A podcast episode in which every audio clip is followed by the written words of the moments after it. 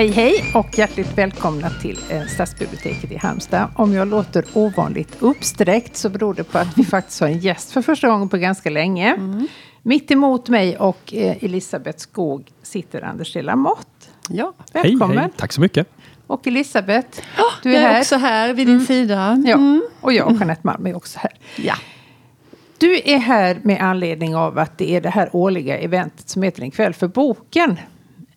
Och de, vi brukar alltid prata med författarna där och utan undantag så har de varit så överväldigade över att det är en sån enorm publik på det här evenemanget. Det kanske inte du vet? Eh, jag har hört att det ska vara många, men säg gärna hur många. Ja, alltså 800-900. Hoppla! Ja, mm, det, var, det, är det är en fullsatt eh, teatersalong i den här fantastiska Halmstad teater som också är en upplevelse i sig att besöka. Så att det har du framför dig, men först ska du prata med oss. Eh, och du är aktuell med en eh, kvartett böcker. Vad heter det? Ja, det heter det väl. För man säger Kvartett. trilogi. Ja, det gör man ju. Neapelkvartetten som, ja. som är, handlar om de olika, eller har titel efter de olika årstiderna. Och ja. den som du precis har gett ut heter då Vintereld. Berätta.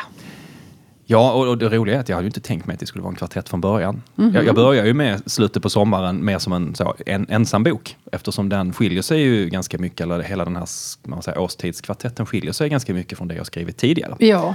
Jag har skrivit ganska hårdkokt och mm. ganska högt tempo och med mm. alla spänningselement som finns. Eh, om man tänker på böckerna som kom innan Memorandum Ultimatum var ju, så här, det var ju lönnmördare och biljakter i Gamla stan och korrupta snutar. Och det var liksom mm. all in. Så. Mm. Och, och, den här serien är ju inte det, utan den är ju spännande på ett helt annat sätt. Så, ja. så, så, den första boken var lite av en, en chansning. Så där, jag och min förläggare bara bestämde att vi, vi provar det, för det var det jag ville skriva. Då. Mm. Hur kom, var du mätt på det här andra biljakterna och det där? Lite grann, men det är också så att jag är, jag är nyfiken av mig. Jag, mm. jag är ju självlärd, jag har ju lärt mig genom att, att läsa. Jag kan inte säga att jag är självlärd, jag är bibliotekslärd är jag ju. Mm. Eh, jag har ju uppvuxen på bibliotek. Ja, men vi är så glada för det, vi kommer till det sen. Det så. Eh, så, så därför har jag ja. lärt mig av att läsa och titta på hur andra gör och så försöker jag göra mm. likadant. Men ska jag lära mig någonting nytt så måste jag ju försöka göra någonting nytt. Mm. Och så var jag lite inne i det, så att nu har jag använt alla spänningselementen som finns och det gick ganska bra. Ultimatum blev årets bästa svenska krim mm. 2015. Så det får man ju säga var godkänt. Absolut. Så tänkte, kan jag, kan jag göra det här spännande? Eh, Håkan Nesser till exempel. Det är sällan väldigt blodigt eller sådär. Han, gör ju det jättebra mm. utan alla de elementen. Frågan är, kan jag? Mm. Så det var lite så det började med slutet på sommaren då. Så det var liksom mer lite av en chansning. Och när det blev väldigt lyckat så, så har jag fortsatt då med mm. Höstdåd som kom i fjol och sen Vintereld som, som kommer nu precis. Så mm. Man kan väl säga att det de har gemensamt allihop, det handlar ju lite grann om hur det är att vara vuxen och vända sig om och titta på sin barndom och se mm. den med en, en vuxens blick. Mm. Och du har också förflyttat dig från storstad till småorter, ja, inte så? för det är ju min egen barndom och min egen, mina egna hemtrakter ah. jag tittar mm. på. Ehm, och det här kommer ju sig av att eh, jag har inte skrivit någonting som har utspelat sig innan jag började på Polishögskolan 93. Mm. För att jag tyckte det var då allt spännande började hända mig. Men, men, när jag sen väl började titta på min uppväxt så inser jag att det finns ju väldigt mycket spännande där också. Mm. Jag hade bråttom bort från den här lilla byn men, men att skriva om den funkar jättebra. Jag, jag vet ju hur det här sociala spelet fungerar i en liten by. Mm. Och när man har känt varandra i fyra generationer och varit arga på varandra i tre generationer mm. över något som ingen längre minns. Men det är väldigt Nej. viktigt att man är arga. Ja. Så, ja. Mm. så det har varit, varit tacksamt att skriva om. Eh, också just det här med och vara vuxen och titta. Sådana saker som var självklara när man när man var barn. Mm. Varför man sparar sina mjölktänder till exempel. Ingen, ingen mm. kan svara på den frågan. Vad gör man med mjölktänderna? Som, det finns det någonting man kan göra med mjölktänder som inte det är seriemördarvarning på? Svaret på den frågan är nej, det finns det inte. Så. Och, eller, eller så att, att man kanske hade en, en, en morbror eller en faster som, som aldrig gifte sig. Men, men mm. som levde ihop med en, en, annan person av samma kön som alltid mm. var med på alla fester men man mm. tänkte bara att de var väl kompisar. Och, Väninnor. Ja, mm. så. Um, och alla, allt det här är väl lite gemensamt för de här böckerna. Just det här med att omvärdera sin barndom lite grann och titta på den med nya. Men det låter ju som att du har nått en ny läsekrets med de böckerna jämfört med de tidigare mer hårdkokta. Ja, men det har jag gjort. En, en mycket bredare läsekrets. Mm. Kan jag säga. Och, eftersom alla böckerna är fristående också så kan man ju hoppa in var man vill i vilken av berättelserna man vill. Det är fyra avslutade berättelser. Mm. Det gillar vi på bibliotek kan jag säga, för ja, det är så snällt. Det sparar mycket problem. Så vi är särskilt tacksamma för detta. Ja, vad bra. Ja, men vi har ju lite problem med ditt efternamn. Ja, det är ju en annan tråkig sak. Ja, ska det stå på M eller ska den stå på D? Ja, ja. Den ska stå på M. Ja. Det vet vi, men eh, Men de som letar på egen hand. Ja, de tittar Förstår på ju det. inte detta. Nej, det är Nej, klart. Detta är faktiskt en viktig sak i vår vardag. Det finns en rolig anekdot om Viveka Lärn som hette Sundvall först. Viveka Sundvall och skrev liksom horder av bilderbö- eller barnböcker. Ja. Och allt var frid och fröjd. Och sen la hon till Lärn då. Och sen tog hon bort Sundvall och nu heter hon ju bara Lärn. Och hon har fått sådär hatbrev ifrån bibliotekarien. Nu står hon på två ställen. Liksom. Ja, Ja. ja, det är Ja, fruktansvärt. det är inte oviktigt heller, för har du, har du namn som börjar på så A, B, C tidigt, då kommer du ofta rätt högt upp på en hylla. Det är inte heller, det beror lite grann på hur Nej. sorteringen ser ut, men rätt ofta försöker man ändå börja med de som är A och B, kommer ganska högt. Och har man lite otur då, och har, har namn lite längre ner, Ja, så, så så- ökar sannolikheten för att hamna längre ner på en hylla också. Syns man inte så bra. Då syns man inte. Många Nej. som tycker det är jobbigt att böja sig Ja. liksom struntar i dem. Ja. Det, det är lite som Och sen kan det nog vara smart kanske att, att stå jämte de som heter typ sådär Lindgren. Persson eller Lindgren. ja, det finns Om mycket det att finns tänka plats på på, hyllan. där. Så, Ja, ja, det, ja, det, för mm, min del var det, var det inte medvetet. Men nej. men vad var vi nu här? Jo, men det var vintertid. ja, ska jag prata, jag skulle säga, ska jag säga någonting Ja, om men det jag, också? vi avbröt ja. dig hela tiden. Ja, Ja, utan, utan att berätta allt. Nej. Eh, nej men den handlar ju om, om Laura Aulin som är, det är 1987 och hon är 15, ska fylla 16, precis som jag var 87. För alla de här huvudkaraktärerna följer ju min ålder då. Och hon sitter på ett plan ifrån Hongkong till, till Köpenhamn. Där hennes familj bor i, i Hongkong, hennes mamma, pappa och lillebror. Men själv så, eh, alla jullov och alla sommarlov tillbringar hon hos sin faster Hedda som, som bor vid en, en liten sjö i nordvästra Skåne. Här faktiskt precis andra sidan Hallandsås. Här. Det är Västersjön som jag har haft som, som förlaga. Den heter Vintersjön i boken, men det är, det är nästgårds här. Eh, och hennes faster har en stugby där som hon driver. Och vid den här stugbyn så finns det ett litet kompisgäng som är Lauras enda riktiga vänner. För hon har lite svårt att skaffa sig nya vänner på de här privatskolorna hon går på. Så hon ser väldigt mycket fram emot att komma hem, som hon ser det, och träffa sin faster, men också träffa då fasterns allt-i-allo Jack, som är några år äldre, som har körkort och som Laura är förälskad i. Och de har påbörjat någonting under sommaren och nu ska hon då fortsätta. Hon väntar och Jack ska hämta henne på Kastrup och det är så spännande. Eh, Men när hon möter Jack på Kastrup så är ju hennes bästa väninna Iben är också med. Och Iben är också intresserad av Jack, det framgår ganska fort. Och så fort hon kommer till den här stugbyn och hon får träffa sin, sin faster så inser hon att allt är inte som vanligt. För det är någon som, som anlägger bränder just den här vintern då där ute. Så att det, alla är lite nervösa över det. Och sen händer det någonting den här vintern. Allting går fel. Och i andra kapitlet så har det gått 30 år. Och Laura sitter på en fest i Stockholm. Hon driver nu ett framgångsrikt företag. Hon har tagit över sin pappas företag. Hon håller på med riskbedömningar av människor. Då, framförallt sådana som ska få stora fina jobb. Så hon är, det är det hon, hon är väldigt duktig på. Och så får hon ett samtal från en advokat som frågar om hon är släkt med Hedda Olin. Då. Och det säger hon att hon är. Men hon säger också att vi har inte haft någon kontakt på 30 år. Nej, säger advokaten. Men Hedda har gått bort. Och hon har lämnat sin, sin stugby till dig, du är den testamenterat. Kan du komma hit ner och, och skifta arvet och ordna med begravningen? Och efter lite eftertanke så bestämmer sig Laura för att göra det. Och kanske också för att hon hoppas att Jack ska dyka upp. För hon har ändå tänkt på honom i nästan 30 år. Och så gradvis i takt med att hon börjar tömma fasterns väldigt, väldigt stökiga hus och nedgångna stugby så börjar hon också inventera sin egen barndom och vad det var som hände den här vintern 87 när allt gick fel.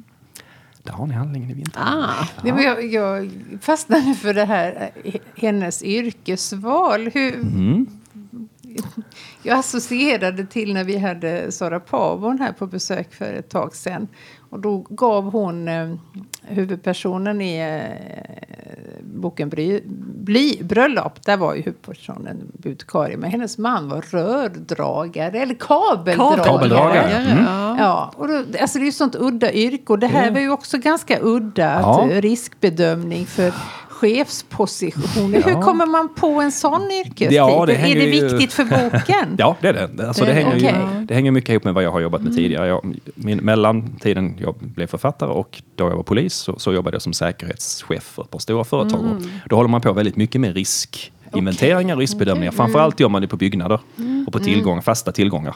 Men med tiden nu har det blivit allt vanligare att man även gör det på människor. Då. Det finns företag som är specialiserade på det. Att om du ska rekrytera någon till ett styrelseuppdrag i ett stort statligt företag till exempel, eller ett stort företag, så är det inte ovanligt att man beställer en, en genomgång av den här personens historik, att man tittar på alltihop. För att det den personen gör eller den personen har i bagaget påverkar ju företaget väldigt mycket.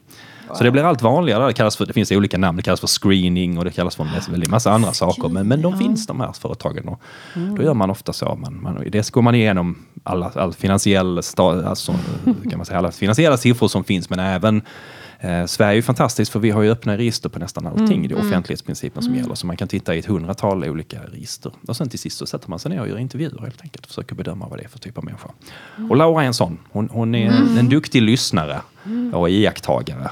Och tittar på om du har lite för dyr klocka i kombination med dina övriga kläder. Eller, eller vad det är för, Ja, för mediciner som, som du verkar ha i den här medicinburken som ligger i ena fickan. Och sådär. Hon är väldigt duktig på den typen av detaljer. Och det är viktigt för berättelsen. Jätteviktigt. Ja. Spännande namn tyckte jag du- de hade, de här karaktärerna också.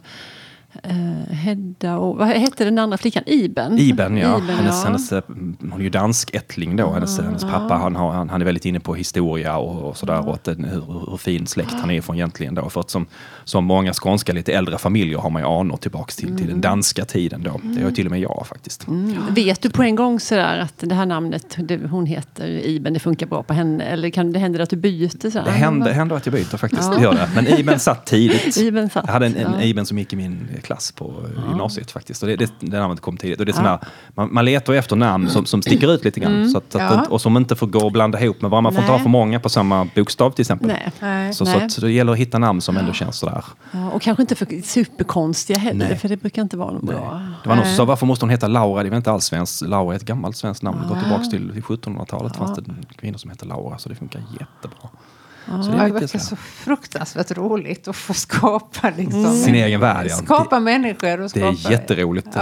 Jag har ett stort så här, namnregister i Excel också där jag har liksom lagt in alla namn jag har använt hittills. För det gäller ju Ja. att jag inte åter, Nej, råkar nej. återanvända ett namn heller. Nej, så att, men det var ju någon som hette i den boken. Så där, ja visst ja. Utan att jag har lite Men vet du mer om de här personerna än vad vi får veta? Är det liksom, har du gett dem en hel... eh, Ehm, Identitet i ditt register? Det, jag, vet en del av mina kollegor gör så. De sätter ihop hela så personakter om dem. Verkligen Ja. sådär vilken deras favoritfärg är och vilken bil de kör och så. Mm. Eh, det gör nog inte jag. Jag tror ni får veta ungefär så mycket som, som jag Mm. vet om de här figurerna också. Det är lite olika hur man, hur man vill jobba kan man säga. Men Mm. jag tror inte jag håller tillbaka någonting direkt. Sådär. Nej.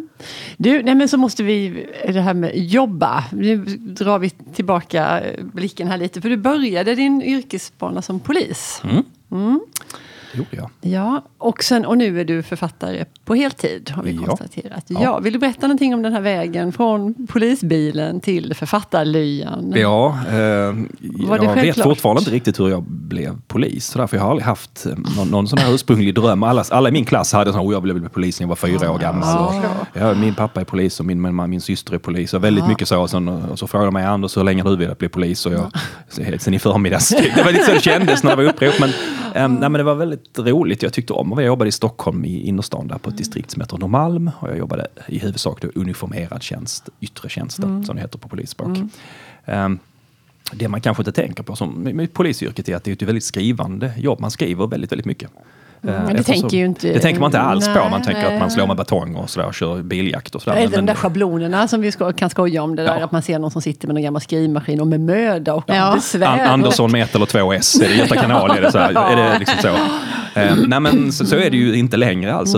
Det, när man håller på med myndighetsutövning som man gör så, så, så måste man nedteckna det väldigt noggrant. Mm. Och gärna på så här lite yxig svenska också. Så här, den misstänkte uppger att han dag och tid som ovan befann sig på denna plats i syfte att. Så den typen av så. Ja. Kanslisvenska ska man här skriva på. Inte Och det- Nej, nej, det finns inget utrymme för, för skönlitterära utbroderingar alls. Kan jag säga.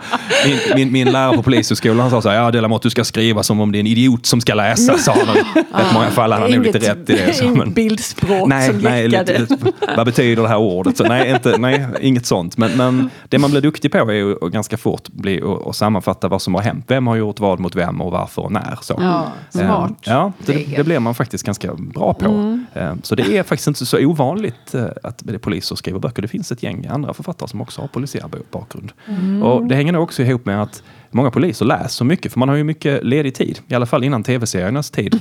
När jag var polis så är det så att man är ledig när andra människor inte är det alltid. Och då har man lite spilltid. Och jag som, som sagt i biblioteksbarn har jag alltid haft läsandet med mig. Så, så, så att steget är ju egentligen nästan alltid mellan läsandet och skrivandet. Jag tror om du frågar vilken författare som helst så säger de att men det är, jag är läsare först och sen är jag författare. Det är den vägen man går. Så.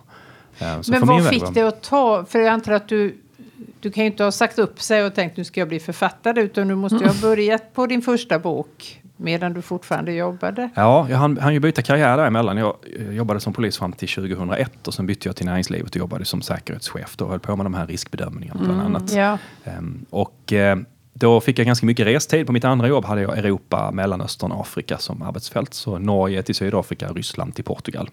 Vilket ju innebar väldigt mycket resor. Och det man behöver när man ska bli författare, det som är råvaran förutom fantasin, det är ju tid. Sammanhängande tid att sätta sig ner och skriva. Och det är det som ofta fallerar för de som vill bli författare. Så att de, de kan inte hitta den tiden av olika skäl. Så det går inte att göra det mellan e-mailen och lunchen och så. Utan, Nej. Utan det måste man ha. Sammanhängande tid. Ja, och det, det fick jag där. Jag hade mycket tid på flygplan. Det tar, Flyga från Frankfurt till Kapstaden tar 12 timmar. Där finns det tid Du att sitta på... nej, och samma sak sitta på hotellrum sådär själv och, eh, och vänta på flyg och vänta på connection. Så där, där hade jag tiden eh, och jag hade intresset.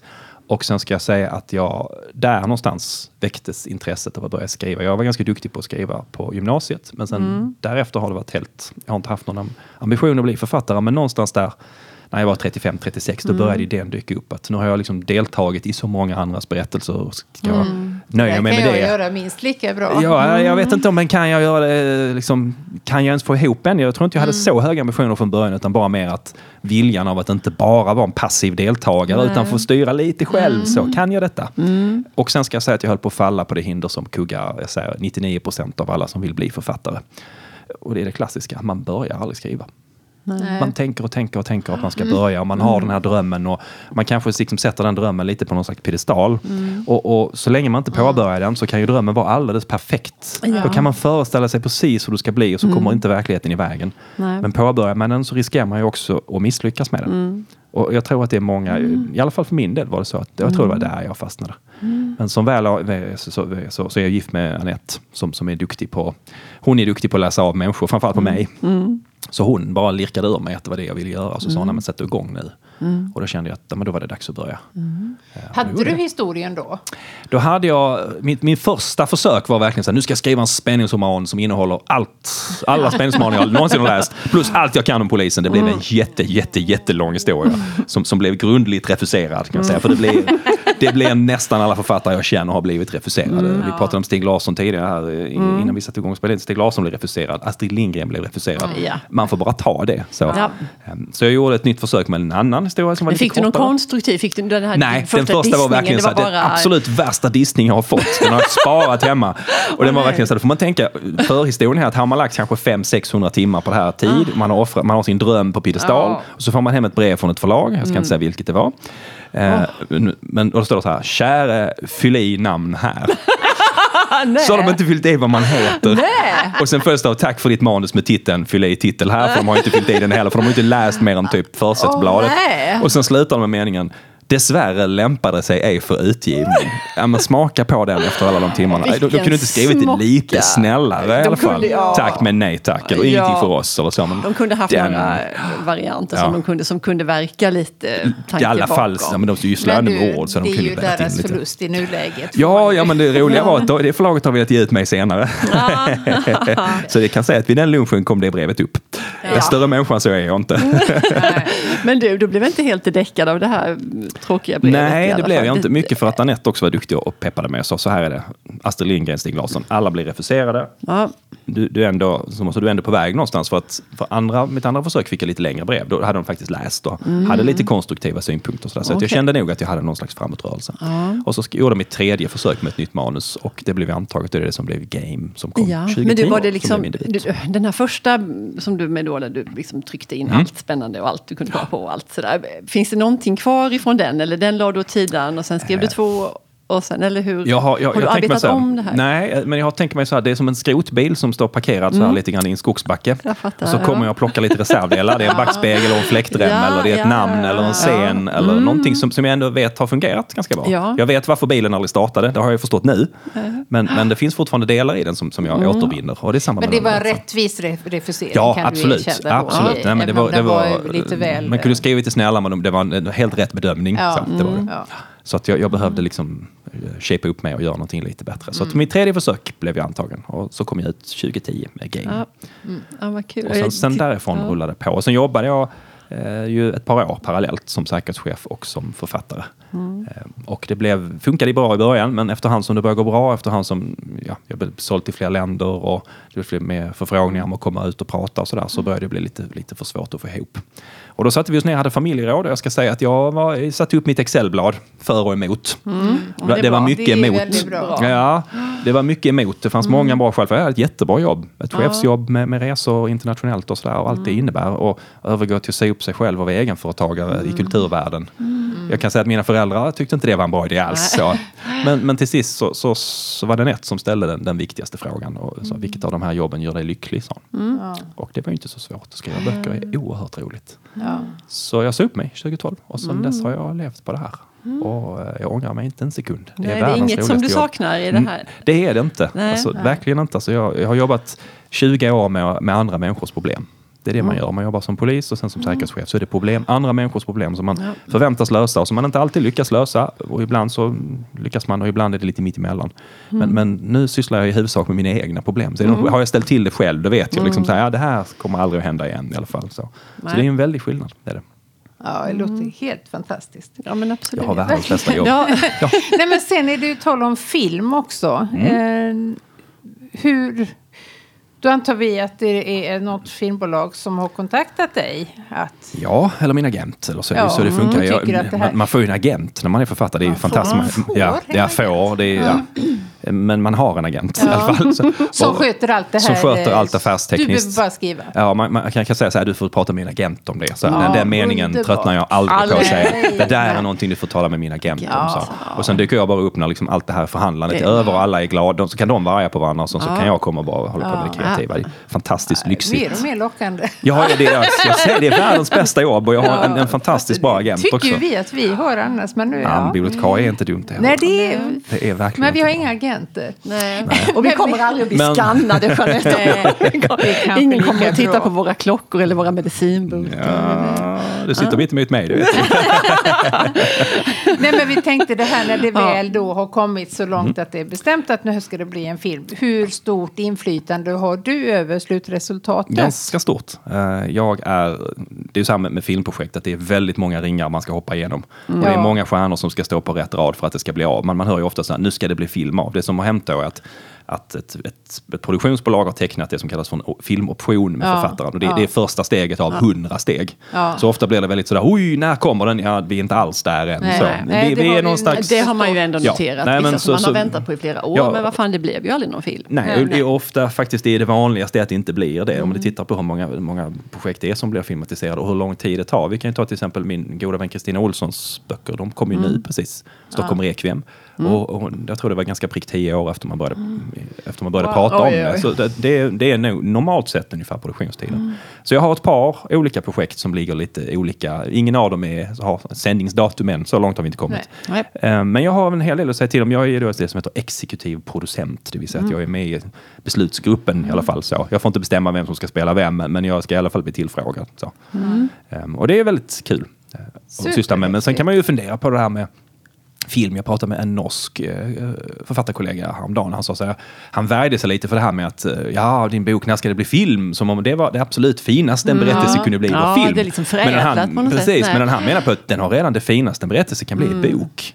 Och sen film är någonting helt annat. Ja, det är men- verkligen något annat. men, men, men ja. han menar på att det, att det var liksom någon slags så här, första steget i bok och sen är det film. Så. Men han menar på att det är ett steg i, i en annan riktning på en annan produkt. Och Ja. det finaste med en, en berättelse kan bli i bok. Och är jag, jag håller faktiskt med honom om Ja. det. För, för Absolut, boken är ju ja, ändå ja. alltid bättre än filmen, Ja, eller hur? alltid. Oavsett hur bra alltid, filmen är. Ja, man måste gå in och se filmen med. Man får inte tro att det här är en filmad bok. Utan det är, det är en annan. Något det är kanske annat. samma berättelse men det är ju en helt annan uttrycksform helt jo, är enkelt. Så att, och, och jag tycker även när det är filmat sådär ganska rakt av. Jag tänker till exempel på Gone Girl, Gillian Flynns Mm, bok som kom för två år sedan nu. Den är ju filmad, hon har varit med och skrivit manuset och den är filmad nästan rakt av som, som boken ligger. Mm. Ja. Och ändå, och det är en jättebra film, Fincher har regisserat, det är hur bra som helst, men ändå är boken mycket bättre. Mm. Ja. Och det hänger ju mycket på det här med betraktarvinkeln. Man tänker kanske inte alltid på det, men I en bok så är betraktarvinkeln antingen ut genom ögonen på huvudpersonen, man sitter inne i huvudet, eller så sitter man lite på axeln på huvudpersonen. Det är inte så ofta som att den är rakt, kanske någon gång om man har en sån här helikopterberättare, då är det lite uppifrån. Men på film är man ju alltid betraktarvinkeln på sidan. Man sitter ju på sidlinjen och tittar på. Och, och så ska alla de här tankarna och allt det man får ta del av i boken, det ska man då se på huvudpersonen och höra dialogen. Och det är klart att det är svårt att få det lika bra som när man sitter inuti huvudet på huvudpersonen, som man ju gör på huvudpersonerna i Gone Girl. Man får höra deras tankar. Och det får man ju inte på samma sätt alls i filmen. Så därför har ju, det är ju en uppförsbacke för filmen att matcha det. Boken är alltid bättre. Helt enkelt. Ja. Ja, nu när vi nu har det är så härligt att få ställa massa frågor, så här, sånt som vi har undrat över. Det finns ju ett gäng deckardrottningar kallas de ju. Och vi, det verkar ju som att de hänger ihop och de umgås med varandra. De åker till Gotland och har mysigt. Och Läckberg och Snygga klänningar. Marie. Ja, Mm. supersnygga klänningar. Finns det något manligt gäng motsvarande så, som, Alltså, du, det- som du brukar hänga med? det tråkiga svaret är nog att det finns det inte. Alltså, dä- däremot så, så träffas vi deckarförfattare ganska ofta. Så, att, så att jag tror mer det finns ett, ett blandat gäng faktiskt.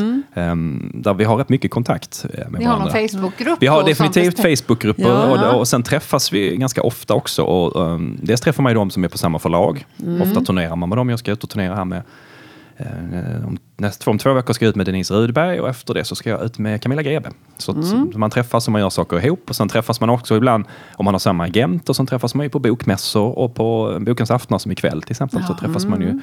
Så, att, så, så man, man träffas och umgås ganska ofta och det brukar vara väldigt trevligt för att vi har ju liknande jobb allihop. Och vi har ju därmed liknande lite svårigheter och, och vi har mycket att prata om. Inte så, Ja, det- Kanske det är skrivtekniska saker och sen så kan man prata om, om agenten och förlaget och annat Ja, sånt också. ja, ja. Så att, eh, Nej, men jag tänker, det måste ändå finnas ett litet sug efter det här med kollegor och det här liksom prata det här som vi har varje dag. Då, Ja, det här med kafferasten. kafferasten. Ja, alltså någon motsvarighet till den. Många författare, jag är ju väldigt mycket ensamvarg. Så jag, halva året träffar jag ju knappt en människa. Då sitter jag ju hemma i min skrivarlya och pratar med mina fantasifigurer. Och sen andra halvan på året är jag ju ganska social och får en chans att komma ut och prata så.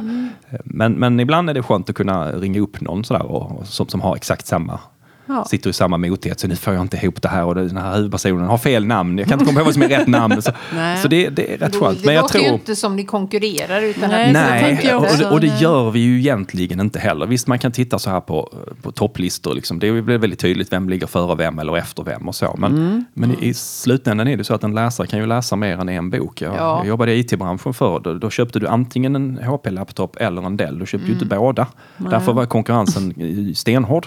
Men det, det är ju inget som säger att inte man kan ta två böcker eller låna fler böcker på biblioteket. Det är bara att fortsätta. Ofta gynnas man ju av det att, att mina läsare får, får träffa på någon, någon annan författare som är snarlik och, och tvärtom. Så, Ja. så att ofta så är de allra flesta väldigt stöttande och hjälpsamma faktiskt. Ja, bra. även, även de som säljer jättemycket är, är väldigt schyssta mot de som är nya. Så, tycker jag. Det är, jag tycker det är en, i i stort en väldigt välkomnande värld måste jag säga.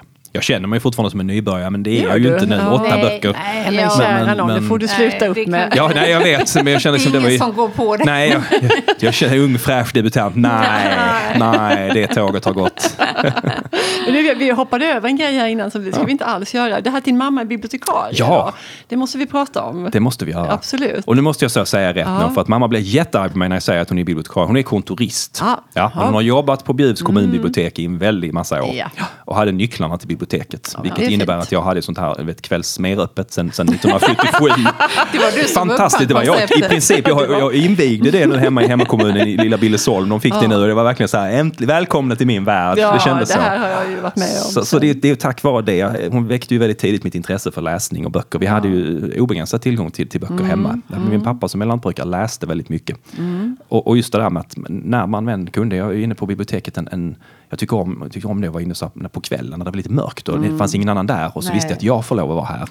Och så kunde man gå så här i en biblioteksgång och jag som är uppvuxen i en sån här li, liten, ganska tråkig ort så, så tänkte jag så att jag kunde sträcka ut handen i vilken riktning som helst och så kunde jag ta en bok och på tio sekunder så, jag fick tända lampan innan jag började läsa, men men på tio sekunder så kunde jag vara så här tusen år tillbaka i tiden Ja. eller tusen år fram i tiden eller Ja. tusen ljusår ut i rymden eller Ja. tusen meter ner i marken. Sådär. På, Ja. på ingen tid alls. Nej. Och det, för mig var det oerhört tilltalande. Så det är ju tack vare Bjuvs kommunbibliotek som jag är författare idag. Så är det. Och mamma. Ja. Och Anette mest. Som, Ja. Ära den som äras. ja, så, så är det ju. Så det. Eh, litterära förebilder. Ja. Det är ju lite spännande att höra. Ja, du skriver precis. ju en ganska egen genre, särskilt de tidigare böckerna. Men Mm. har du någon du sneglar på? I alla fall, jag har ju flera som jag beundrar som jag tycker är väldigt duktiga. Mm. Eh, Jon Esbø är en av mina absoluta favoriter. Eh, för han har ju ändå tagit den här ganska slitna klichén om den nedgångne polisen. Ja. Som i varenda bok säger det är en seriemördare. Och i varenda bok så säger hans, alla hans chefer att det är det inte alls. Trots att, att Harry Hole har haft rätt i varenda bok hittills så är det fortfarande ingen som lyssnar på honom. Och ändå så köper vi det för att han gör det så bra. Så vi glömmer, alltså, han, han utnyttjar den här slitna klichén på ett så bra sätt så att vi köper den och tycker att den är... Han skriver fantastiskt bra. Eh, Så han, är, han, han sa också upp ett, ett fint välbetalt jobb med, Ja. på ett jättecoolt sätt. Var Också, inte han sådär. musiker? Han var, dels var han musiker innan dess, ja, han kan allt. Och så jobbade han som finansmäklare. Just och så gjorde det. han någon slags resa utomlands och då började han skriva här i Hole. Så kom han hem och så insåg han, precis som det jag sa, att skrivande och livet handlar om tid och vad man vill göra med sin tid. Och så gick han in till sin chef och så sa han i alla fall enligt sin egen berättelse då att jag har inte tid att jobba för det längre för jag ska skriva böcker. Jag tyckte, när jag sa upp mig, jag hoppas att jag känner själv att det var nästan lika coolt. Jag, jag tror kanske inte det var det, men han är en, en förebild. Sen finns det många andra, Kristina Olsson som, som jag nämnde innan, eh, har alltid hjälpt och styrt mig i rätt riktning. Hon eh, har alltid varit ett stort stöd och hon är jätteduktig på att skriva. Eh, Kan skriva i alla genrer, den mest produktiva människa jag vet. Oj, ja. Ehm, eh, Arne Dahl, Jan Arnald, gillar jag jättemycket. Skriver fantastiskt bra. Rolig rackare är han också.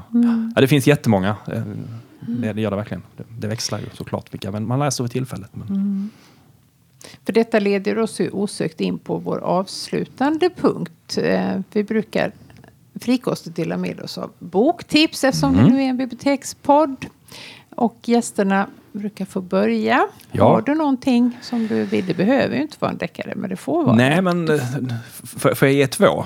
Ja, det får du. Går det bra? Ja, men jag Ja, gör det snabbt då. Om vi börjar med. Jon, Esbø har ju skrivit eh, Macbeth i en, en eh, modern version. Den kan jag varmt rekommendera.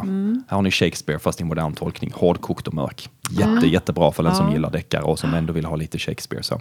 Och sen läste jag precis en bok som heter Ormen i Essex av Sarah Perry. Som är en sån här liten historisk roman blandad. Det är lite skräck och lite historia och lite så eh, ganska intressant blandning. Eh, som ju inte är en deckare, men, men en, Nej. en spännande bok i alla fall att läsa. Den kan jag också rekommendera. Ormen i Essex. Jeanette då?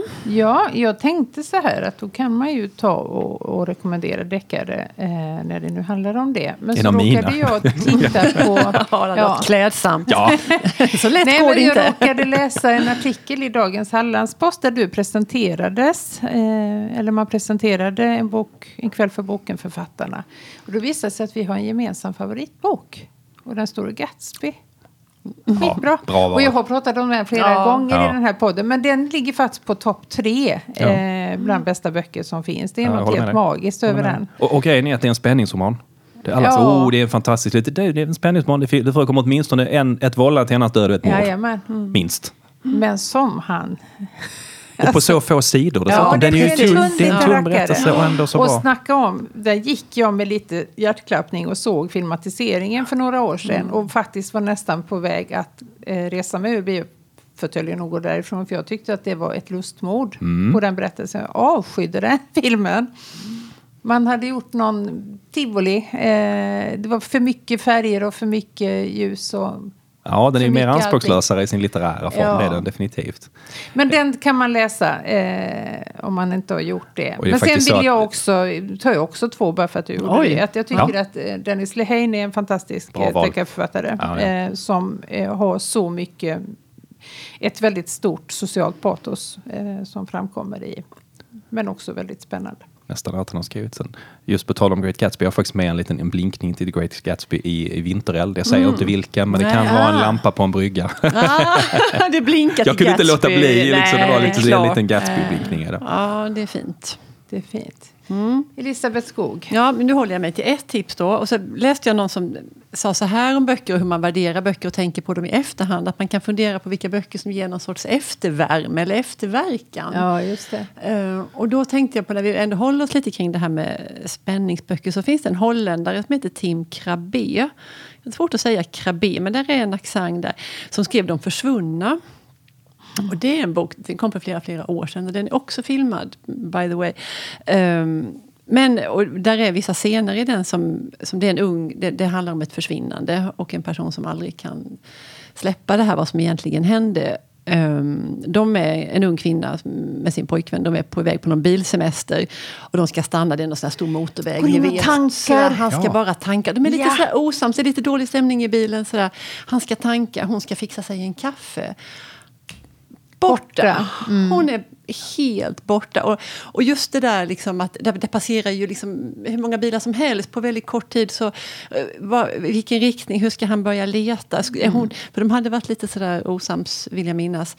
Um, liksom, skojar hon med honom eller är hon förbannad? Är hon själv, har hon valt att försvinna? Eller, alltså det där. Och jag har inte varit på så mycket bilsemestrar men om jag någon gång hamnar i de där, på de där ställena så tycker jag det är så jädra obehagligt. För tänk, Ja, men alltså- det här vardagliga också, att det är en Precis. situation som Ja. Vem som helst kan, liksom har upplevt hur många gånger som helst och att det då ur det... Ja. Eh, Precis. Och att det kan hända något otäckt när så många människor liksom tittar på. Ja. Då blir det ju alla som passerar så. Ja. Eh, och så bra. finns det, sen är det ju andra liksom, så fruktansvärt klaustro... Jag har lite sån touch av klaustrofobi. Eller jag kan lätt leva mig in i det här obehagliga att inte komma loss ur någonting. Den är ju, det är en klaustrofobisk thriller om slumpens vägar och ondskans väsen skulle jag vilja säga. Och den, ja, jag gillar den supermycket. Sen har han skrivit andra böcker. Cyklisten finns det en bok som heter. Det här med just försvinnande temat är ju ganska vanligt. Jag har ju faktiskt själv använt det i slutet på sommaren. Och, och det är tacksamt att använda som författare. För skriver du en kriminalgåta så innehåller den ofta två frågor. Vem har gjort det och varför? Det, det är de två Ja. frågorna som finns i en kriminalgåta. Men skriver man ett försvinnande är det tre frågor. Vad har hänt? Vem har gjort och varför? Så därför så dras man ju ofta till det som författare Ja. just för att man får den här yt- ännu ett lager på, på berättelsen då, Ja. och som, som fascinerar läsaren också väldigt mycket. Ja, för det finns alltid det där, man kan, det är lätt att leva sig in i det där att, liksom, att aldrig få veta eller att det ska gå Nej. väldigt, väldigt lång tid innan man får veta vad händer. Det, det är ju liksom ett trauma till det där. Förlust är en sak men att, att inte veta. Just det, ovissheten. Ja. Ja, precis. ha, Ja, Ja, Ja, men jätte- bra tips. Ja, roligt att prata med dig Anders detsamma. Tusen tack för att du tog dig tid med oss här på biblioteket idag. Tack för att du fick komma hit. Tack och hej. Hej då.